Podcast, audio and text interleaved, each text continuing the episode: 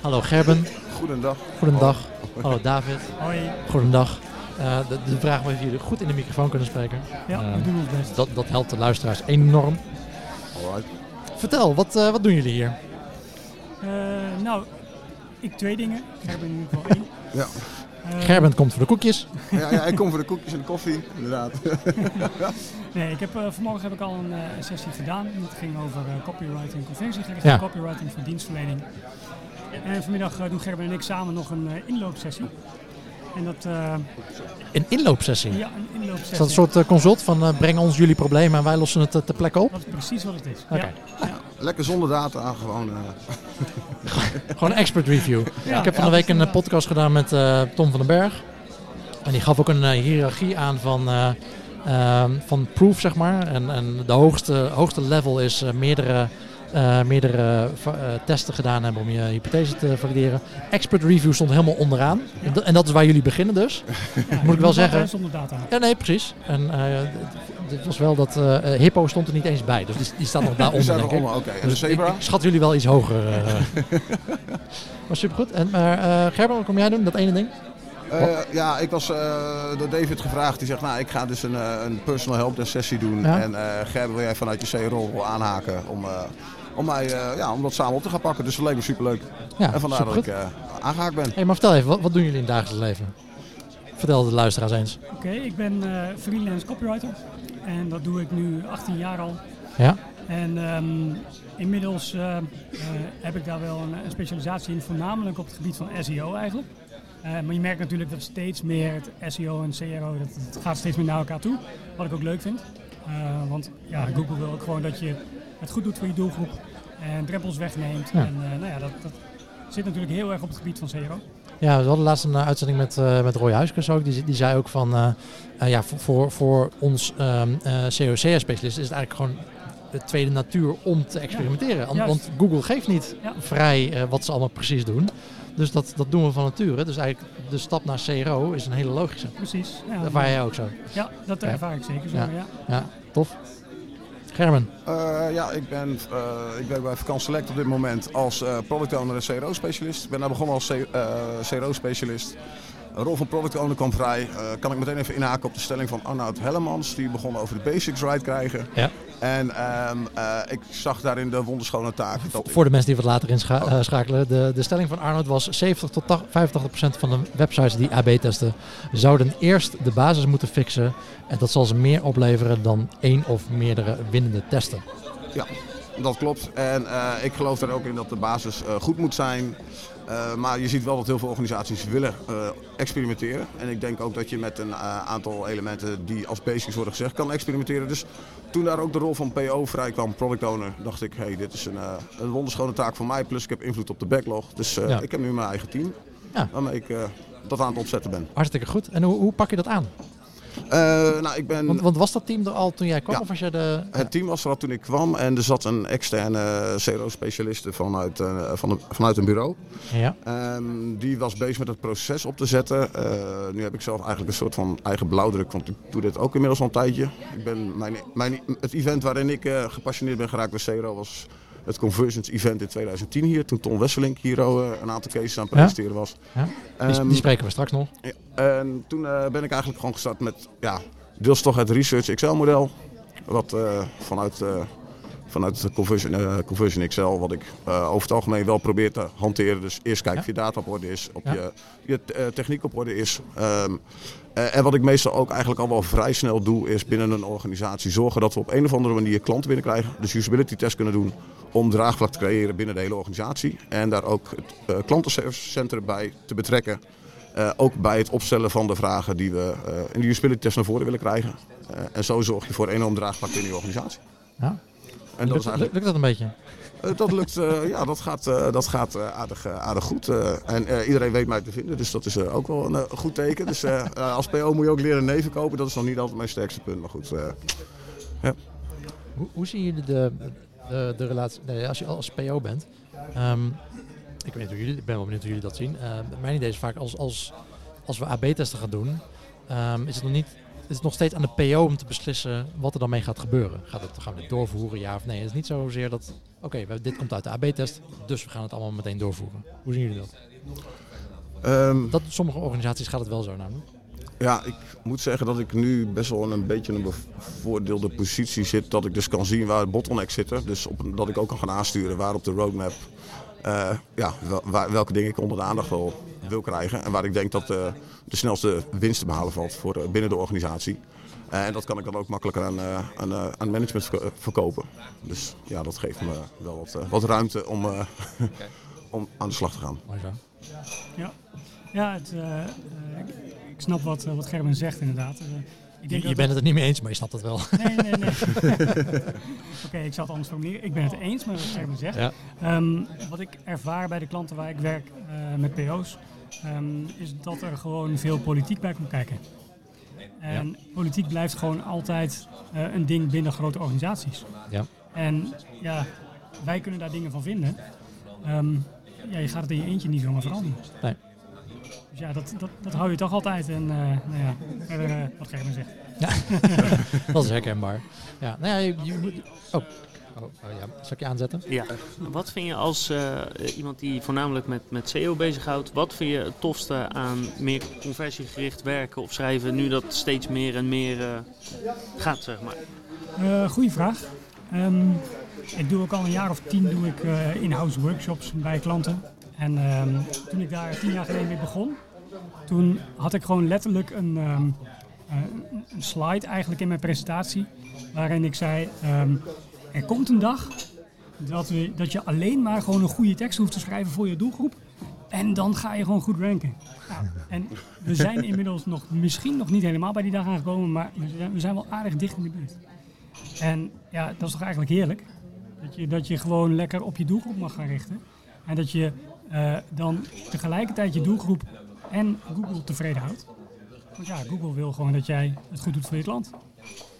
Ja, dat, eh, Ja, zodat ze meer AdWords verkopen. Oké, dat zijn jouw woorden. Ja, ja, ja dat- ik denk dat het wel... eh, kijk, AdWords is tegenwoordig zo duur. Google moet mensen wel gaan pushen om conversieoptimalisatie te doen. Anders kunnen ze het niet meer betalen. Dan gaan ze failliet. Ja, dus wanneer komt de volgende conversieoptimalisatie tool van Google? Ja, dat is een goede vraag. Ik weet niet, horen we het vandaag? Spreekt iemand van Google? Wij niet. Nee. Dat is vragen. hey, ehm, ik heb een stelling voor jullie. Zonder psychologie is geen CRO. Eens. Eh, ja. Ja, uiteindelijk. eh, uiteindelijk wel. Ja. Nee, nee, nee, kijk, Schoorvoeten. nee, maar dan, dan ga je toch weer terug naar, inderdaad ook naar die basis. Ja, en dat is ook, die basis. ja. En ook het, eh, ik, ik denk dat eh, het hele st- stuk rondom usability, van, vroeger was stond usability wat, als een wat los onderwerp. En eh, ik denk dat, eh, eh, dat daar nog steeds hele grote stappen in te maken vallen zonder überhaupt eh, psychologie toe te passen. Ja. Maar uiteindelijk wil jij gaan zorgen dat je zeg maar, in het maturity model echt eh, eh, ja, een, een evidence-based organisatie gaat ontwikkelen, dan is het cruciaal. Oké. Bart? Ja, eens. Ik kan me er alleen maar bij aansluiten. ja. Volgens mij eh, hebben we een nieuwe, nieuwe spreker die aankomt lopen. Jazeker. Ik doe David Beentjes van Click Value. Ga, ga lekker zitten. Bart, Bart maakt plaats voor je. Dankjewel. Bart, Bart is co-host, maar eh, we hebben wel gebrek aan... eh, je, je kan er gewoon in praten natuurlijk. Je hebt net een sessie gehad, gegeven? Ja, klopt. Waar ging die over? Over het eh, bouwen van een CRO-programma. En? Ja, dat moet ik eigenlijk nog eh, vragen aan mensen zelf. Ik heb daarna een beetje nagepraat. En ik, eh, ja, ik heb geen boegeroep gehoord, dus het zal oké zijn Oké, geweest. d- niemand, niemand eh, boos weggelopen. Nee, en, nee, niet, niet dat ik heb gezien inderdaad. Oké. En, en ja, ja, vertel, waar, waar begin je met zo'n met zo'n talk? Want het hangt natuurlijk ook wel grotendeels af van wat voor organisatie je tegenover je hebt. Ja, dat is waar. Ehm, en wat ik gewoon... Kijk, ik vind het fantastisch leuk om te vertellen over het bouwen van een CRO-programma. Maar ik kan me ook voorstellen dat het voor heel veel mensen ongelooflijk eh, ja, saai is. Ja. Dus ik, eh, en ik, ik ben helemaal gek van modellen. Eh, dus ik heb mezelf wel voorgenomen van tevoren, nou, ik ga een, een mooi modelletje presenteren, maar ik ga er ook genoeg praktijkvorbeelden in stoppen, zodat mensen niet uiteindelijk denken van, goh, mooi model heb ik van die jongen gezien. Ja. ja. Maar kan er niks mee. Nee, kan er niks bij inderdaad. Ja. Ja. En wa- wat, wat voor voorbeelden zaten erin dan? Nou, kijk, wat wij doen, zeg maar, wat ik eigenlijk heb gedaan vandaag, is dat ik ehm, ehm, laten zien. Ik noem het CXO Canvas. Het is wat lastiger uitleggen zonder slides, maar ik vind eigenlijk dat als je een CXO-strategie ehm, wilt vormgeven, dat je moet kijken van, oké, waar ga ik me op richten? Voor, voor de luisteraars, waar staat de X voor? Uh, Customer Experience Optimization. Ja, sorry. Ja, CRO. ja, Ja. Daarvoor leg ik uit, maar ja, dat is het nadeel van, zeg maar nog een keer over vertellen zonder die presentatie bij de hand. Ja, shit, moeten we de, de podcast hernoemen? Ja, dat vind ik eigenlijk van CXO Café. Ja. Sorry, volgens mij hadden we het in de eerste aflevering al over dat, dat CRO eigenlijk een slechte term is, maar laten we het... Maar goed, ga verder David, sorry. Maar, dat, maar daar sluit ik me wel volledig bij Ja. aan. Dus ik, ik heb het herdoopt zeg maar, naar CXO-programma, Customer Ja. Experience Optimization. En ehm, ja, ik, ik, ik denk er gewoon dat je, dat je eh, van tevoren even moet kijken van waar ga ik me op richten? Weet je, waar liggen nou de grootste kansen voor mijn organisatie? En in ieder geval de dimensie waar je over na kunt denken is van welke touchpoints ga ik allemaal aanpakken? Want ik zie heel veel organisaties die pakken alleen de website eh, eigenlijk aan. Terwijl dat zonde is, want Ja. niet altijd is dat de beste plek zeg maar, om, om te starten. Misschien zijn je advertentiecampagnes wel de beste plek om eh je AB-tests te starten. Ehm, en daarnaast zie ik dat ook heel veel organisaties eigenlijk nog segmenten onbenut eh, laten. Dus dat vind ik een tweede dimensie. Dus ja, weet je, eh, wat herhaalklanten willen op je website of in je app, dat is niet wat nieuwe bezoekers eh, willen hebben. En ik zie ook nog wel dat mensen, zeg maar, dat is natuurlijk een beetje de, de traditionele piramide van, of weet je, het model van BJ Fogg, motivatie, ability en trigger, dat ook daar kansen, mensen daar kansen laten liggen. Nou, als je dat alle drie die dimensies nou eens gewoon voor je neemt, een groot vel papier en eens gaat nadenken over je eigen organisatie. Van, benut ik nou alle dimensies, zeg maar, eh, en alle aspecten binnen die dimensies? Want dan heb je volgens mij een zo compleet mogelijk CXO-programma. Dat is een beetje in de kern eh, de boodschap die ik vandaag Ja. heb verspreid. Klinkt het nou Gerben, want jij bent dat bij een, eh, bij een eindklant aan het doorvoeren. Ja, nee, ik- ik- it makes sense. Ik denk, eh, eh, nou wat je ook zegt met het dat embed of weet je tegenwoordig, embab geloof ik, eh de, de, de Ja. Is Ja. geworden geloof ik, ja. Dat verandert ook iedere keer. En ik, ik, dat zijn wel echt, als je ook gaat kijken naar, jij hanteerde David net het, het liftmodel van Chris Goward. Ik denk als je die samen met het embed bij elkaar legt, dan kan je gewoon echt een, over je hele funnel, en dan niet alleen over het platform, maar zowel ervoor als daarna gewoon optimaliseren. En ik denk dat daar gewoon eh, daar ook enorme slaaggevallen zijn. Want uiteindelijk wil je eh, optimaliseren voor je eh, lifetime value. Of in ieder geval de, potentie die erin zit. En dat is niet alleen, vindt niet alleen op je platform plaats, maar ook op het moment dat klanten, in mijn geval, terugkomen van vakantie. Ja. Want iedereen is, ja, gaat volgend jaar weer op zoek. Maar hoe zorg ik nou dat in die tussenliggende periode die klant mij nog steeds top of mind heeft en een zo'n ervaring heeft gehad dat ze volgend jaar gewoon weer terugkomen. Mijn cost per acquisition naar beneden gaat. Of eh, dat ik die omhoog kan gooien en mijn cost per order naar beneden gaat. Ja, je, moet, je moet langs je hele customer journey gaan kijken Ja. waar, waar die bottleneck zit. Want Ja. je, je kan wel op de website gaan optimaliseren, maar als er vervolgens allemaal pakketjes... Eh, stel je, je doet gifting en eh, je probeert mensen een blij gevoel te geven, hoger emotielevel. superleuk allemaal online, maar vervolgens worden die bo- know, boeketjes of pakketjes of kaartjes worden naar binnen gesmeten. Totaal geen ervaring bij het ontvangst van dat product. Ja. Ja. dan kun je je best doen, maar mensen komen niet meer terug. Wij zagen bij de, ik werkte in het verleden bij onder andere een dagaanbiedingssite. Mhm. En eh, wat we zagen, we vroegen aan het einde van het bestelproces hoe de klant die had ervaren. En ook vroegen we dat nogmaals een keer op het moment dat hij zijn pakketje had ontvangen. Maar dat ging via dropshipment. Dus dat wil nog wel eens voorkomen. Dat het pakketje een weekje, twee weken later binnenkomt. Maar ja, daar was de communicatie was daar niet echt, eh, die was daar niet echt optimaal. Dus wat je ziet, je ziet, krijgt op een gegeven moment een NPS-score best wel een hoge rating eh, qua experience om het pakketje te bestellen. Maar op het moment dat die ontvangen wordt, dan zie je in één keer een discrepantie van 15 punten. Ja, hoe gaan we dat oplossen? Kan je gaan heel leuk gaan optimaliseren op je platform. Maar volgens mij moet je dan gewoon je communicatie, je aftersales gaan aanpassen. En ik denk dat daar ook echt enorme kansen liggen die mensen heel vaak soms onbewust laten. En zeker als je over CRO Ja. praat in plaats van CXO. Ja, en het experimentgedreven werk is in, in die stappen, zeg maar, eh, later in je proces gewoon veel minder gebruikelijk. Ja. En het zou mooi zijn, zeg maar, als we naar een wereld toe gaan, die stappen Ja. netjes, zeg maar, worden gevalideerd, alle wijzigingen met een AB-test of weet ik veel wat voor andere methode. In a world.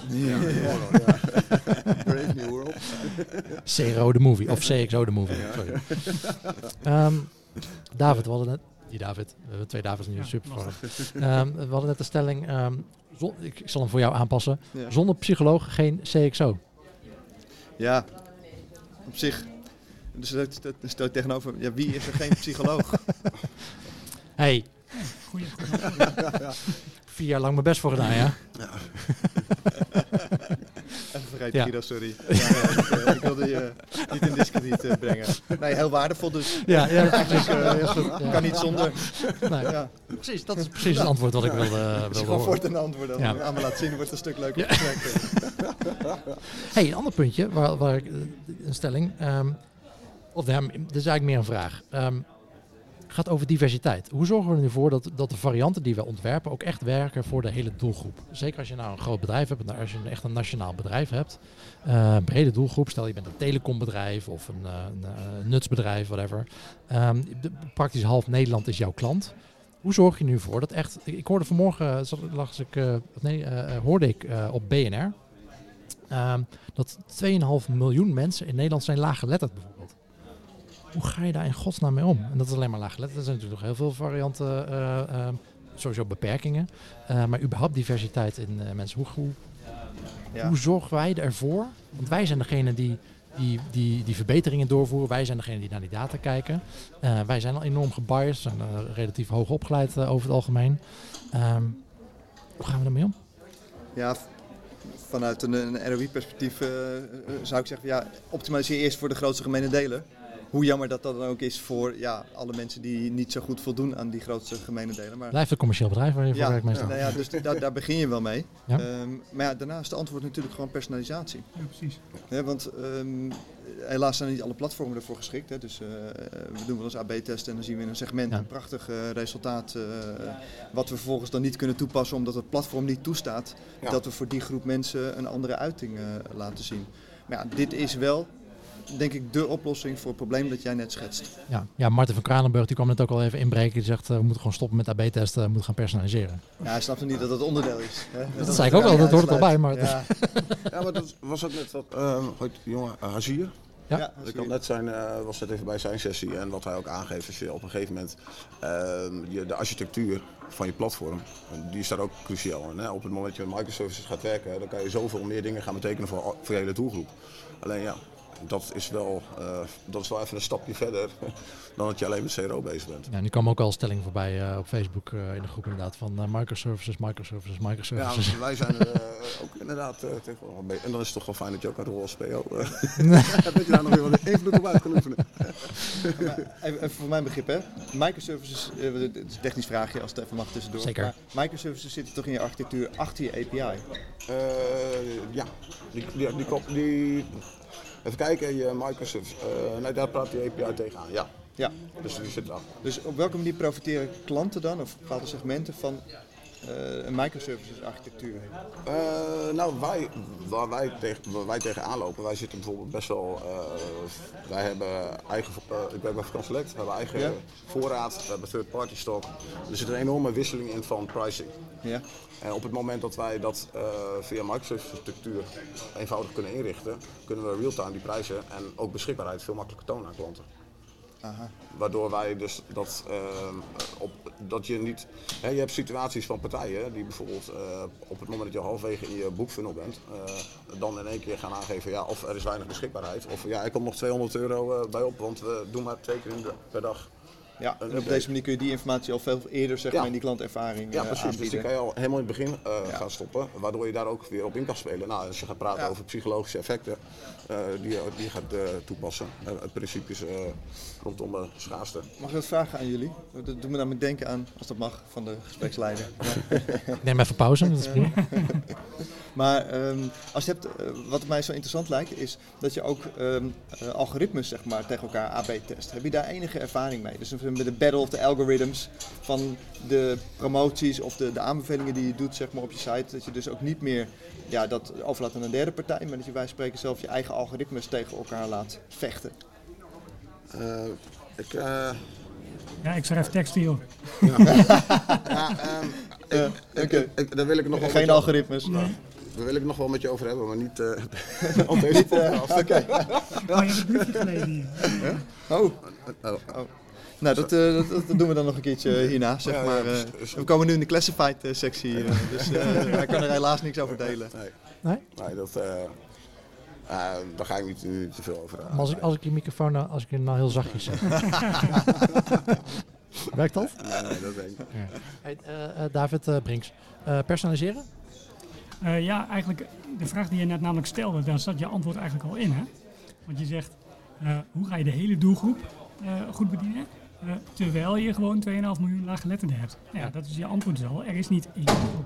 Je hebt gewoon verschillende doelgroepen. Nou, en personalisatie is daar gewoon. Ja, het, het, ding is natuurlijk ook dat je als je gaat uh, optimaliseren voor die grote gemene deler, um, misschien heb je juist al twee hele verschillende groepen. Dan ga je optimaliseren voor die gemiddelde deler. Ja, dus kom je in het midden uit.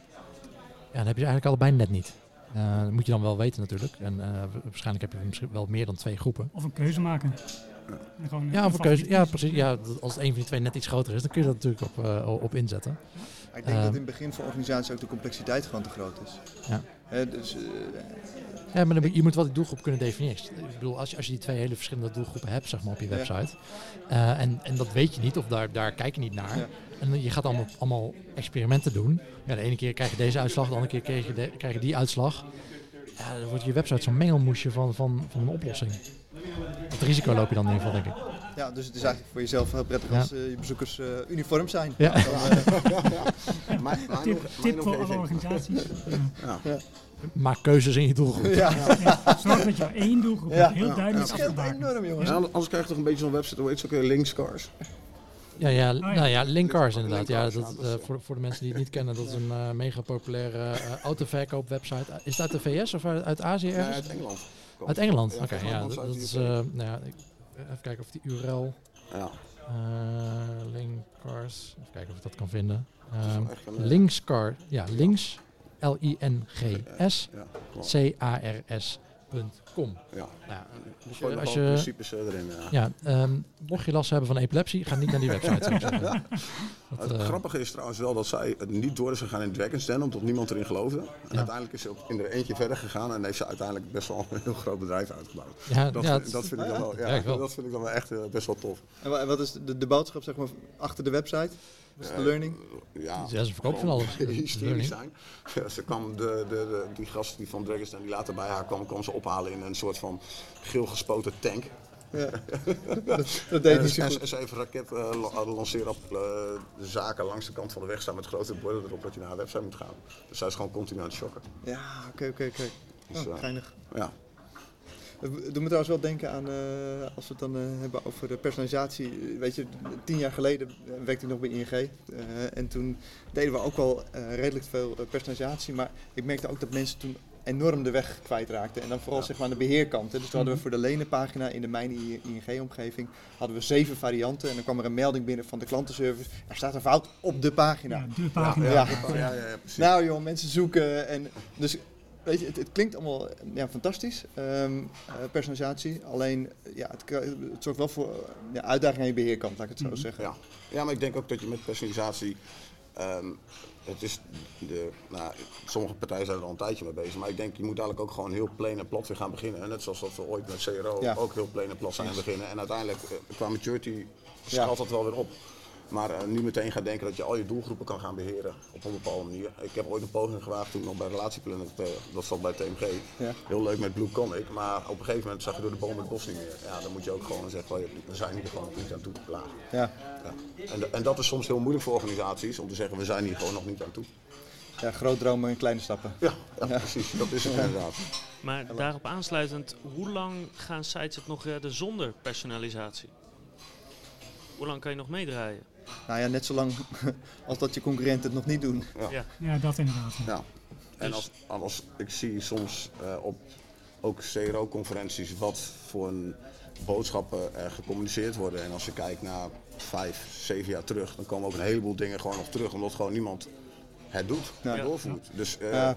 bedoel, dat het kan is één ding, dat mensen het doen. Ja, bedoel, we praten nog steeds over de Cialdini-principes. Nou, die zijn inmiddels ook al... Uh, paar jaartjes oud. Ja, exact. En uh, die zien we ook nog niet overal terug. En iedereen past ook niet op de juiste manier toe. Nu is dit een tactiek.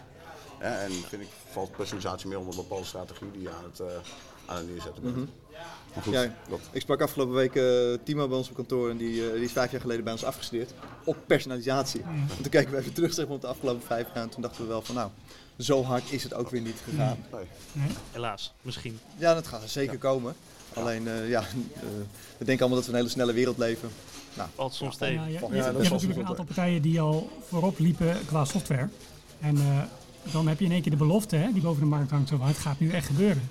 En ik kan me herinneren, een jaar of tien geleden zat ik bij een grote verzekeraar, ook met zo'n partij aan tafel. Ja, en de verhalen waren mooi, alleen in de praktijk werkt het nog niet zo mooi. En ja, dat is volgens mij de fase waar we nu nog steeds in zitten. Het wordt steeds beter. Ehm, alleen ja, nog niet iedereen is er ook aan toe. Ja, en dat, dat zijn van die dingen, dan blijft het nog een beetje boven de markt hangen. Nou, misschien heeft iedereen ook hoop nodig. Hè? Ja, Ja. ja. zou kunnen. Licht aan het einde van de tunnel. Ja, het, het motiveert om weer eens eh, iets, iets nieuws te doen, zeg maar, en je schouders eronder te zetten. En dan, totdat het een beetje tegenvalt en dan springen we op de volgende hype. Maar Ja, is dat ja. een heel negatief eh, wereldbeeld. Nee, maar als je inderdaad kijkt, inderdaad, eh, get your, nou wat net ook al werd genoemd, get your basics right. Wat nog bij een heleboel organisaties niet het geval is. En toch met CRO bezig zijn en dan ook al de stap gaan nemen naar personalisatie. Ja, ja, Dan denk je Nee. bij jezelf, dan wordt het op een gegeven moment zo ges- heb je drie keer scattered niks. over je hele organisatie en heb je niks. ja. Nee, ik ben helemaal met je eens. Ja. Ik, van de week hebben we nog, nou, ik denk, eh, naar, naar verschillende klanten, heb ik een stuk of tien bug reports gewoon nog voorbij zien komen. Gewoon dingen die niet werken op de site. Ja. Dus ja, eh, als dat nog niet eens is ingeregeld. eh. Dan, ja. Ja, ik heb hier nog een hele interessante stelling van Theo van der Zee. Ehm, en die ga ik ietsjes aanpassen, maar eigenlijk is de, de vraag een beetje van de budgetverdeling tussen CEO en CA of het pompen van verkeer ten Ja. opzichte van CRO. Mhm. Hoe kijken jullie daar tegenaan? Ja, wat ik vaak tegen klanten zeg, maar ik ben bevooroordeeld, hè, want ik, eh, het meeste wat, van klein wat ik beetje. doe, zeg maar. Voor af op- agency toch? Ja, Ja. en een CRO. Ja, ja, eh, maar ook eens, ik heb CRO vlak. Ja, precies. Maar kijk, wat ik wel, wat ik wel eh, grappig vind is dat er is relatief makkelijk ruimte te maken voor, voor een CRO-programma of voor een aantal AB-testen vanuit eh, je CA-budget bijvoorbeeld. Als ik zie zo- dat er soms miljoenen zeg maar, per maand eh, alleen aan mediabudget eh, worden besteed aan je CA-campagne. Nou, er zit heus wel wat waste in. En als je van dat miljoen eh 10.000 euro pakt om eens een keer 3, 4, 5 AB-testen te doen, dan denk ik, en dat zie ik ook in de praktijk, dat het over het algemeen meer oplevert dan ja, die 10.000 extra in je campagne. Ja, zeker het verhaal. Kijk, ehm, traffic naar je website krijgen is allemaal leuk en aardig. Maar als ze eenmaal op je website zijn en het converteert niet goed genoeg. Ja, Ja. Dat, dat is gewoon het basisverhaal. En ik denk dat er best wel ehm, beslissingmakers eh, geneigd zijn om CRO-budget vrij te maken. Als zij maar eenmaal geloven in het eh, concept van laten we eerst maar eens de bestaande bezoekers beter laten converteren. En, en hoe komt het dan dat die budgetten zo scheef zijn? Is dat gewoon gegroeid? Zijn beginnen organisaties met verkeerpompen en dan, eh, dan pas komen ze erachter dat die site nog steeds niks doet? Nou ja, er zit ook wel wat in natuurlijk. Als er niemand op je site komt, dan is het lastig optimaliseren. Ja.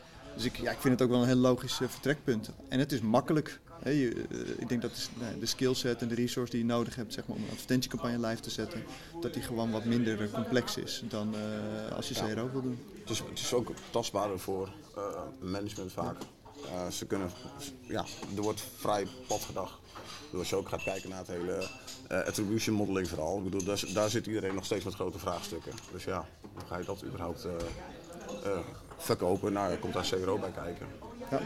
Je hebt mensen op je site, branding, gooi ze het dan ook vaak op. Hè? Ja, ik heb toch eh, duizend of honderdduizend mensen op mijn site gehad, die hebben toch mijn naam gezien. Ja, ja. die ken ik inderdaad ook inderdaad. Anders lekker ja. niet meetbaar. Nee, ja. ja.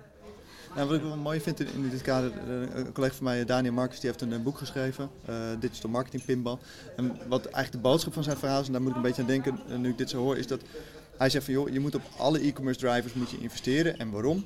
Omdat je dan een multiplier effect krijgt. En daar ben ik het eigenlijk wel mee eens. En je hebt dus gewoon natuurlijk traffic op je site, je kan in je conversie en je orderwaarde sleutelen, maar ook in je retentie en je viraliteit. E-mail marketing. eh, Ja, zo identificeert hij een aantal drivers. En het grappige is natuurlijk wel, als je al die drivers zeg maar 10% plus doet, dan is de, de som daarvan niet een 50% plus effect, maar meer.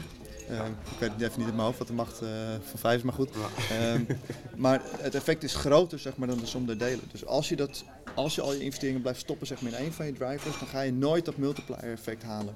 En dat ehm, ja, Dus legt heel je, goed uit. Eigenlijk is het dus beter dat het budget dat je eenmaal hebt besteed ergens aan, als je dat gaat verdelen over eh, meerdere, dus niet per se meer geld, maar het budget verdelen over meer, dan gaat het je ook Nou, wel dat, helpen. dat zou ik in ieder geval, als het mijn bedrijf is, zou ik dat zeker doen. Ja. En weet je, ja, we zijn natuurlijk allemaal eh, mensen die houden van experimenteren. Het is natuurlijk een beetje gek dat als jij aan vijf knoppen kunt draaien, maar je stopt al je geld in, in, in draaien in één knop, dat je niet eens een experimentje doet met je overige vier knoppen en daar wat geld in stopt. Al is het maar om te bepalen, zeg maar, wat is de, de ROI op die, eh, op, op die investering. Ja. Misschien blijkt wel dat eh, je altijd hebt gedacht dat retentie niet zo'n issue is, of weet ik veel wat. En als je daar wat extra geld in stopt, dat daar de ROI zeg maar, op je investering het grootste is. En ja, zo moet je denk ik een bedrijf besturen. Gewoon continu experimentjes doen, bepalen waar de ROI het grootst is. En dan je budgetten zeg maar verschuiven op basis van die cijfers. Ja, want ik denk inderdaad ook als je gaat kijken naar, hè, we, er wordt vaak gezegd, eh, eh, optimaliseer zo dicht mogelijk bij de, bij de transactie plaatsvindt. Ja. Hè? Eh, maar als jij gaat kijken naar je landingspagina's waar mensen op binnenkomen, eh, op wat het effect daarop kan zijn op het moment dat je daar de juiste boodschap vertelt aan de, de, de persoon die landt, die jij hebt uitgesteld in je, eh, in je ads of in je, je SEO.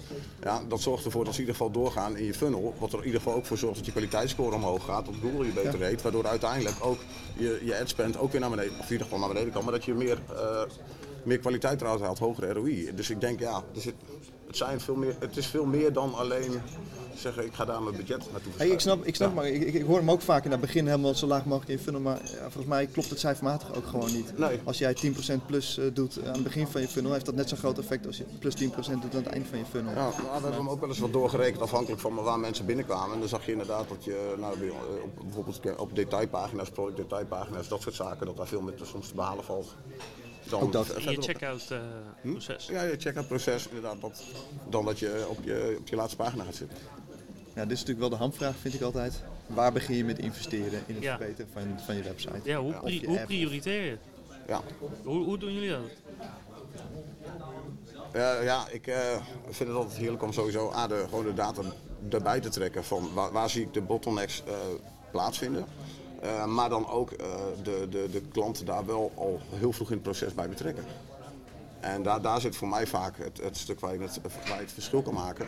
Ehm, ook eh, omdat je daar vaak eh, optimalisatieslagen kan doen die, wat, nou, die best wel een eh, hoog sla- slagingspercentage hebben. Waardoor je ook je organisatie veel makkelijker mee gaat krijgen. Waardoor je dus daarna ook gewoon veel makkelijker, nou ja, eens een keer, nou ja. Wat geks mag doen. Ja, nou ja, precies. eh, zes van de tien, eh, als je heel veel geluk hebt, dan... eh, Ja, precies. Dan doet dit wat. de- nou ja, de vier van de tien doet dan misschien wat. Maar ik bedoel, ja, je moet daar wel eh, ruimte voor krijgen. En die moet je ook zelf creëren. Ja. ja. Aanvullingen qua prioriteren? Ja, eh, kijk, het is natuurlijk een beetje als met een goudmijn. Eh, ik bedoel, vroeger, eh, nou, gebeurt tegenwoordig waarschijnlijk nog steeds, maar ging je zoek, op zoek naar goud, maar je weet natuurlijk niet waar het goud in de grond zit. En dat is natuurlijk altijd een beetje lastiger. Dus ga ik nu eerst met mijn checkout aan de slag, ga ik met mijn landingspagina aan de slag, de, de, de product listing page, nou zeg het maar. Maar waar zit het goud? Ja. Ik weet het niet. Ik kan het dus ook niet, ja, tenzij ik heel veel research doe, zeg maar, dan kan ik natuurlijk de kans wel eh, identificeren. Maar dan heb ik al heel erg veel geld en, en tijd besteed. Het enige wat wij tegenwoordig doen, is dat we zeggen van ja, we zetten gewoon snel een aantal eh, researchmethodes in, onderzoeksmethoden, die relatief weinig tijd kosten en een groot deel zeg maar, van je website pakken.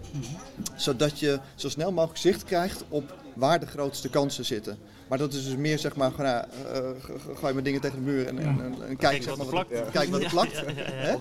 Dan, Ja. want ja, ik En op het basis niet. daarvan eigenlijk zeggen, nou dit, dit waarschijnlijk wel, dit waarschijnlijk niet. Ja. Dus dit wordt het plan. Ja, inderdaad. Als ik hem Want- even mag, mag aanvullen. Ja. eh, volgens mij eh, heb je het dan ook al over kwalitatieve user test. Onder andere. Eh, ja. Want dat is natuurlijk een manier waarop je eh, gewoon met de eindgebruiker kunt gaan kijken waar zitten nou die bottlenecks. Ja. En natuurlijk heb je dan geen grote steekproef, maar omdat het kwalitatief is kun je doorvragen en kom je gewoon achter de diepere problemen. Ja. En, eh, dat is een startpunt. Ja, nee, dat is zeker een startpunt. En dat is ook goed. Alleen weet je dan zeker dat dat dan ook de grootste kansen voor jouw organisatie zijn. Ja, dat, Kan je, kan dat zeker weten? Ja. Anders, ben je een jaar budget kwijt om uit te vinden waar je gaat starten. Nou ja, daarom. Dus eh, Dat dat, lijkt me ook niet praktisch. dat is ook het lastige. Absoluut. Even kijken, ik zie hier een vraag. Wat gebruiken jullie? Horen Excel veel? Hoe documenteer je alles? Zeker als je veel personalisaties hebt. Goeie vraag. Ja. Of niet? Nou ja, Gewoon Excel? kijk, documentatie is natuurlijk... Ik hoor heel, ja, het is natuurlijk een mooi, een, een- een, een mooi woord en ook een mooi streven. Hè. Laten we alles documenteren. Alleen, ja, de waarde van documentatie zit natuurlijk gewoon in het, in het gebruik Ja, ervan. Hè. Eh, 100%. ik heb hele mooie libraries gezien waar geen sterveling eh, meer is gekomen. Eh, dus wat wij in ieder geval wel als, als vuistregel gewoon aanhouden is... zorg dat je documentatie zo dicht mogelijk op de volgende actie zit. En dat klinkt een beetje abstract, maar ehm, eh, als je dus eh, een learning hebt zeg maar, uit een AB-test, ga die dan niet zeg maar, in een apart Word-document ergens op de, het intranet eh, zetten. Maar stop die gewoon in je reguliere workflow-systeem waarin je je AB-testen zeg maar, bijhoudt. Stop er ook de learning in, zodat iemand die de volgende test doet en die gewoon een clone maakt zeg maar, van de vorige test, ook heel makkelijk toegang heeft tot, oh, wat hebben we in de vorige test dan eigenlijk eh, geleerd. Dus dat is wel iets wat we doen. Houd, hou je documentatie zo dicht mogelijk in de buurt van de volgende actie. Want dan is de kans het grootst dat er ook daadwerkelijk iets mee gebeurt. Ja, of vind ik daar wel een gevaar in zitten? Want je, wat, je nu ook ziet is dat veel partijen ehm, dus inderdaad al dit in, in een tool toevoegen. Weet je, de, Ja. Met VWO eh, kan je eenvoudig alles op gaan slaan. Nou, dan zit je in de fase. Ik eh, ga stoppen met eh, deze partij. Oh, absoluut, absoluut. En, en dan moet ik mijn documentatie allemaal mee gaan nemen. En als je dan veel tests hebt gedraaid, dan is het wel een crime om dat allemaal mee te gaan krijgen. Ja. Eh, wat ik daarin wel altijd vaak doe, is inderdaad. eh, ik, sluit me volledig bij jou aan hoor. Maar dat je de, de, de, de, de, de key learnings Ja. ook gewoon meeneemt. Eh, ik bedoel, ik heb ook gewoon een heel plat backlog in Excel, Google Sheets. En daar knal ik de- met een prioriteringsmodel. En daar komen ook altijd de resultaten in. Dat kan ik netjes op filteren. En dan heb je toch in ieder geval altijd dat staan. Naast je standaard ex- experimentplan, wat niet. Nee, maar wat, het enige zeg maar, wat, wat, wat we altijd opleveren inderdaad is op zijn minst een evaluatiedocument zeg maar, in, in gewoon een, een pdf of zoiets dergelijks. Je ziet uiteindelijk dat heel veel mensen in, de, die in het programma meedraaien, die hebben goed toegang tot de, de workflow tools, et cetera. Maar de rest van de organisatie die je ook wil bereiken, helemaal niet. Nee. Dus ja, soms moet je gewoon eh, praktisch zijn en, en gewoon pdf'jes delen. Of vaak gewoon één e-mail, één screenshot, één zin over het resultaat, één plaatje erbij. Weet je, dat kunnen mensen nog eh, consumeren. Want eh, ja, meer nemen ze toch niet tot zich. Toch proberen die draag, dat draagvlak zo groot mogelijk eh, te houden. Eh, ja. Ja, want in je eentje, nou ja, dat is niet het eindstadium. Je wil graag dat iedereen experimentgedreven Ja. eh, werkt. Helder. En even, het, eh, eh, even een aanvullende vraag over eh, wat je net zei, namelijk dat het beheer technisch aan de achterkant, als je verschillende varianten hebt, ehm, dat de pagina dat daar een fout op staat, terwijl het eigenlijk zeven varianten zijn. Ja. Ehm, hoe zorg je ervoor dat het makkelijk is om bij de juiste pagina uit te komen? Ik, ik zit aan naamgeving te denken zelf, Ja. Ehm, maar hoe, eh, heb je daar ervaring mee? Nee, om eerlijk te zijn, eh, niet. Nou ja, kijk, ik denk ook dat daar wel echt een, een, een kans ligt gewoon voor de, voor de CMS-bouwers of de e-commerce platformbouwers eh, van deze wereld. Want eh, ja, weet je, de, de content zit natuurlijk in hun systeem. En het zou mooi zijn, zeg maar, dat het voor de beheerders, de mensen die werken met de tools, dat de ondersteuning komt vanuit die hoek. Weet je, ik, een CX of een GX, sorry, zou hier eigenlijk wel een hele mooie oplossing voor moeten hebben, denk ik. Anders moet je het zelf allemaal gaan eh, te extern gaan bijhouden. We hebben in ons CMS hebben we dit en dit en dit op deze plek staan. Terwijl ja, je wilt het gewoon rechtstreeks daar zien. Wat ik wel eens heb gezien, wat ik heel geinig vond, is dat, eh, ik weet niet welke organisatie dat was, maar daarbij eh, konden klanten zeg maar, met ehm, onscreen functionaliteit vragen, vragen stellen. Eh, ze konden dan zeg maar, met die, eh, ja, die onscreen functionaliteit konden ze even snel een screenshot maken van de pagina. En die konden ze zeg maar, insturen zeg maar, naar de klantenservice afdeling. Dus dan Ja, pak je dit, het. dit werkt niet, of eh, deze knop doet het niet, of ik wil hier iets mee doen. Ja, en dan, dan, hou je het, los je het probleem wat meer bij de bron op. Zodat je niet een, een, een, een, een ons zoekt zeg maar, naar de fout in een Ja. van de zeven pagina's die je via de telefoon, eh, waar je te- telefonisch een melding over hebt gekregen. Weet je, goed alle is, Isabella, zeg maar. Ja, inderdaad. Ja, klopt. En eh, als we het hebben over, over learnings en daar wat mee doen, ehm, wat is eigenlijk het meest onverwachte resultaat wat jullie wel eens zijn tegengekomen in testen of tijdens experimenten? Dat je misschien zelf al twijfelde van ja, dit gaat toch nooit werken jongens. En dat het toch, toch iets moois heeft gebracht. Nou, ik, heb, ik vind het wel een leuke. Dat eh, komt een beetje op de eh, psychologie uit. Ehm, niet van mijzelf, maar van een, een collega copywriter. Die ehm, had zijn planning helemaal vol staan. En die heeft op zijn website gezet van ja, ik ben eh, niet meer beschikbaar nu. Nou, toen kwamen er nog veel meer aanvragen binnen. ja, Zie je niet, hè? Dat uh, schaarste principe. Die vond ik wel heel grappig, dat het gewoon echt in de praktijk dus wel zo werkt. Ja, Ja. Over kopie gesproken, er komt wel eentje, eentje bij, me, bij me terug. Dat is wel een tijdje, een tijdje terug hebben we voor, voor beleggen. Hebben we toen bij eh, ING destijds eh, gekeken naar ja, wat werkt nou goed hè? Korte teksten of lange teksten. Maar het, het, het was natuurlijk van ja, mensen op internet hebben weinig tijd. En die eh, willen gewoon scannen. die, die scannen pagina's alleen maar, niemand leest meer wat. Dus we hebben toen een AB-test gedaan met een, ja, een hele korte, goed scanbare pagina. En een enorme lab tekst waarin zeg maar, de beleggingsstrategie et cetera werd uitgelegd. En toen was ik er heilig van overtuigd dat zeg maar, ja, de nieuwe tekst zeg maar, die goed scanbaar was, ging winnen. Ja, en die werd verpletterd zeg maar, door, de, door de oude test, of door de oude eh, variant, zeg maar, waarin alles tot in detail werd uitgelegd. Ja. En waarschijnlijk staat daar dus ook de verklaring dat mensen, omdat ze gaan beleggen, dat is natuurlijk een beetje een onzeker, eh, Ja, onzeker verhaal. Je moet die onzekerheid eh, reduceren. En des te meer informatie je geeft, des te minder onzekerheid ervaren Die, ze. die zitten nog in de, in de fase van eh, ehm, dat ze alles gaan overwegen van wat ze willen doen. En die zijn nog niet toe aan meteen die actie. Ja, nou inderdaad. Maar mijn intuïtie laat me wel vaak in de steek, eerlijk gezegd. Eh, Ja, ja, Daarom testen we ook, toch? ja, ja. Ja, als het allemaal zo makkelijk was, dan hadden we het niet hoeven te valideren. Ja, dat eh, helaas. Dank je Guido, Ik denk wel dat het helpt, maar eh, ja. voel ik me een stuk beter. ja, we weten het allemaal niet. Nou, ik hoorde net, wat, 1 op de 7 succesratio had eh, Michiel Jansen het net over. dus eh, nou ja, hè? nou, dat is... Nee hoor, soms nog lager. wij hadden met de filtering, Ja, ja. wij dachten wij gaan de filtering netjes zoals iedere website dat doet aan de linkerkant tonen. En dan wordt dat veel makkelijker voor de klant in plaats van dat we een advanced filter hebben wat naar beneden komt zetten en waar ze wat kunnen selecteren. Niet, echt. eh, Absoluut niet Ja, absoluut totaal niet. Echt gewoon, ja, iedereen filterde wel meer, maar er werd veel minder geconfronteerd. Hey, eh, Erik, we zitten bijna door onze, door onze tijd heen. Dank jullie. wel. Ik heb een laatste vraag voor, eh, voor Gerben eigenlijk. Ehm, morgen heb jij eh, 100k budget erbij. Waar ga je het dan uitgeven? Ik heb morgen 100k budget. Eh, ik, nou, ik ga sowieso een UX eraan nemen. Ja? Ja. Kijk, Oké. die lag eh, klaar. Ja, die- Ja, ja, ja, precies.